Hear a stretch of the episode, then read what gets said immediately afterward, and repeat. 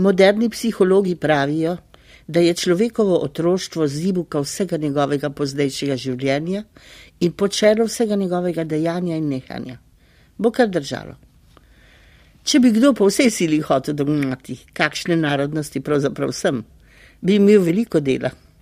Moj pradet je prišel na svet kot nezakonski otrok neke mlade neže in toskanskega kneza Porčio di Brunjera. Ta otrok se je rodil v Gracu in bil upisan v krstno knjigo kot Ferdinand Germanicus Prugnara. Lastnik graščine v špitalu Andrdrav po imenu Mar ga je posinovil. Ta Ferdinand je po Napoleonovem padcu prišel v Ljubljano, kupil na tedanjem Franc Jožefovem trgu, danes Kreko trg 10, hotel Avstrijski dvor in odprl trgovsko šolo z internatom, ki si je napravila ime po vsej Avstro-Ogrski. Moj stari oče, Artur Mar, je vodil šolo do konca Prve svetovne vojne.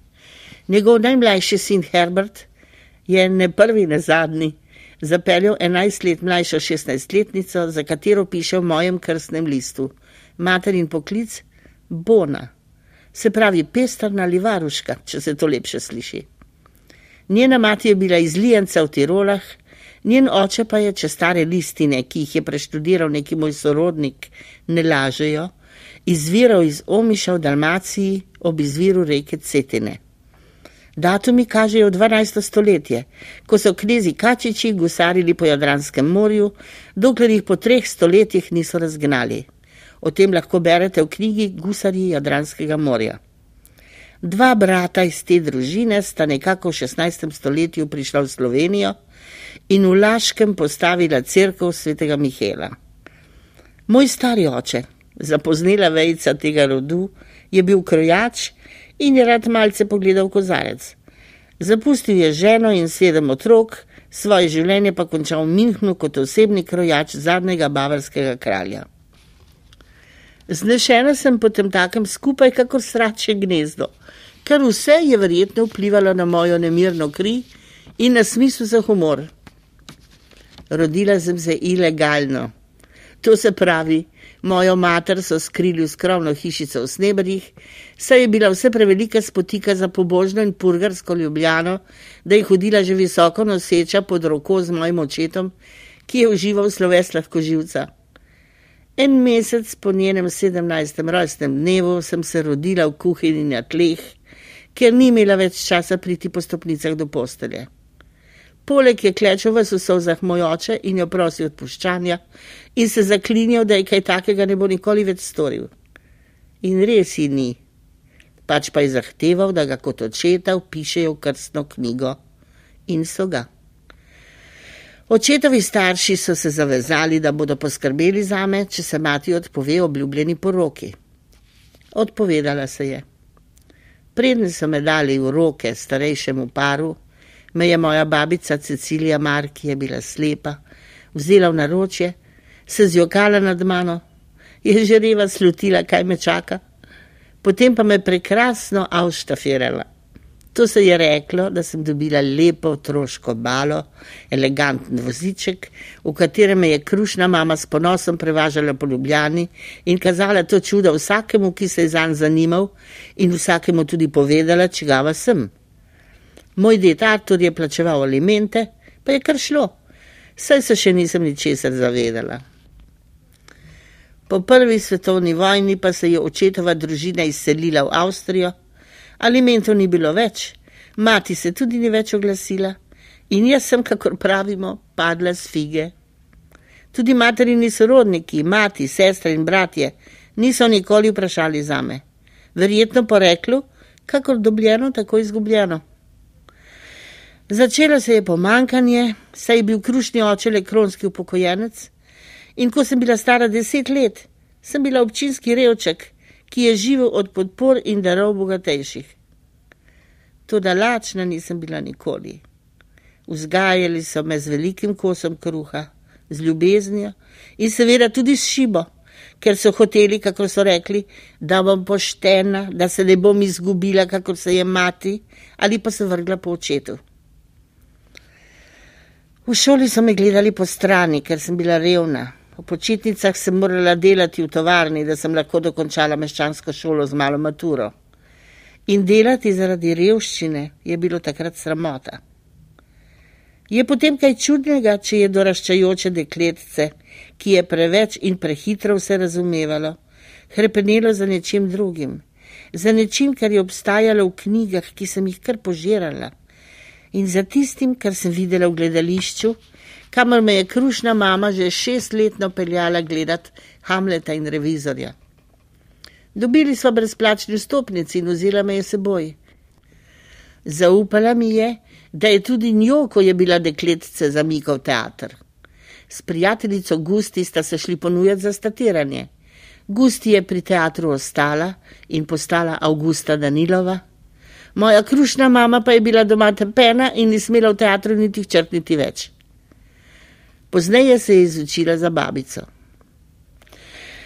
No, in tako sem bila zgodaj okužena z gledališčem in s poezijo, ki mi je to lažila duša v najbolj britkih urah. Ko sem toliko zrasla, da so me vzeli za res in si začela služiti kruh, sem že začela igrati na prosvetnih odrih. Čez dan sem tipkala po pisarnah, če sem slučajno imela začasno službo, če ne pa sem pisala naslove za založbe, pretipkavala pisateljem rokopise in med vsem tem beganjem za kruhom obiskovala na konzervatoriju pouki solopetja, klavirja in dramske igre. Večeri so bili pa moji. Hodila sem k vajam na amaterske odre, vse nedelje igrala. Leta 1930 pa prišla v radijsko dramsko družino, kjer je dr. France Koblar s strogim in ljubečim očesom spremljal mojo rast. Leta 1937 sem prvič stopila na deske naše drame, po katerih sem z dijaškega stojišča hrepenela leta in leta. V stupičevi režiji Beraške opere sem predstavljala mulatsko cipico in govekar je v kritiki zapisal: Mulatka je vzbujala pozornost. Usoda me je za štiri okupacijska leta pripeljala v opero, Leta 1945 pa sem pristala v drami. Takoj, ko je bilo mogoče, sem se upisala na Akademijo za igralsko umetnost, naredila sem štiri semestre in kolokvije, potem pa ni bilo več možno študirati ob delu.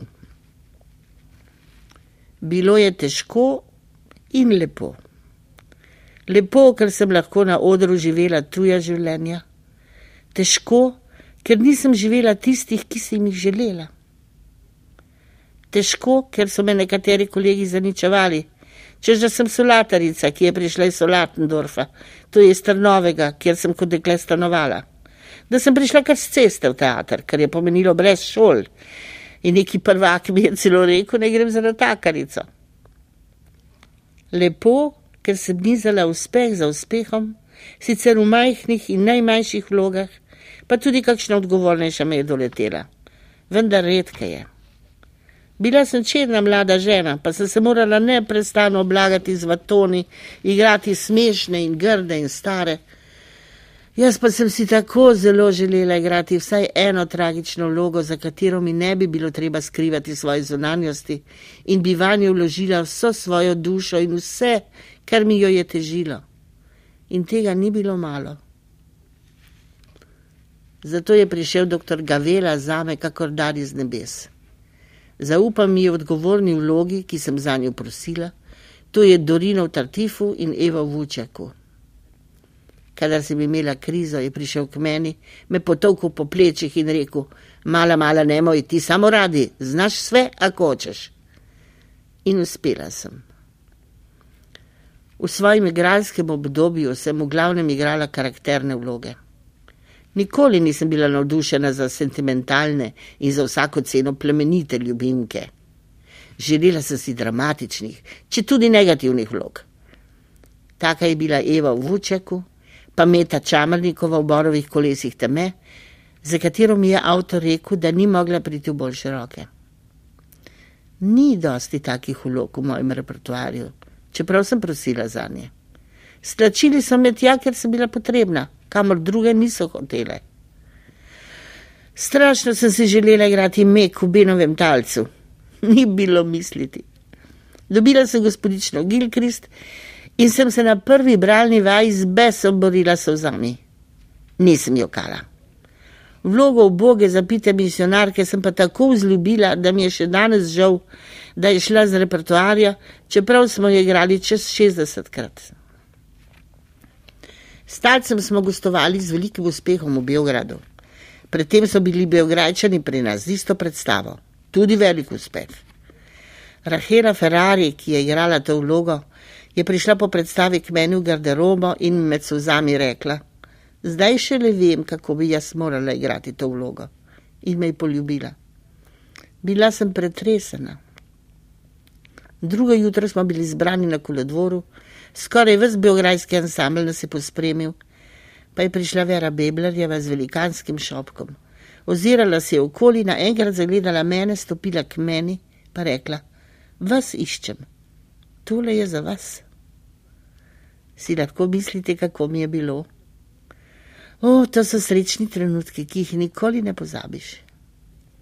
Pa če je še tako hudo in preklinjaš trenutek, ko te je noga prenesla čez prak odra, je pa vendarle nekdo, ki te nikoli ne pusti na cedilu, ki ti zmeraj pokaže svojo naklonjenost, ki ti je hvaležen za tvoje razdajanje in pokaže, da te razume, da te je vesel in da se nimaš česa bati. To je publika ta zmeraj ve, koliko si vreden, kdaj si iskren in kdaj goljufaš. No, zdaj sem že toliko zrela ali bolje stara, da vem, koliko daš ljudem, če prineseš v njihovo življenje uro sproščenega smeha. Vsakdo se utepa z različnimi življenjskimi težavami, doživlja nesreče in poraze in je potreben sprostitve in pozabljenja ni lepšega trenutka od tega, ko stopiš na oder in završi, ko odmeva teater od smeha po tvoji zaslugi. Kaj hočem še več? To je plačilo, ki presega mesečno plačo. Vem, da nihče ni popolnoma srečen, zato ima, upam, vsak svoje pribežališče. Meni je bila proti vtešu v mojih težavah poezija. Še vedno mi je zvesta in jasnej.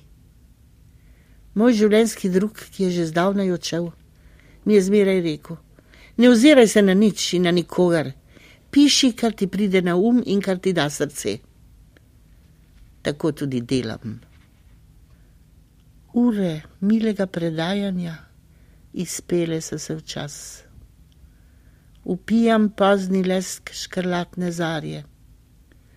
Nekje odmev a to ni več moj glas.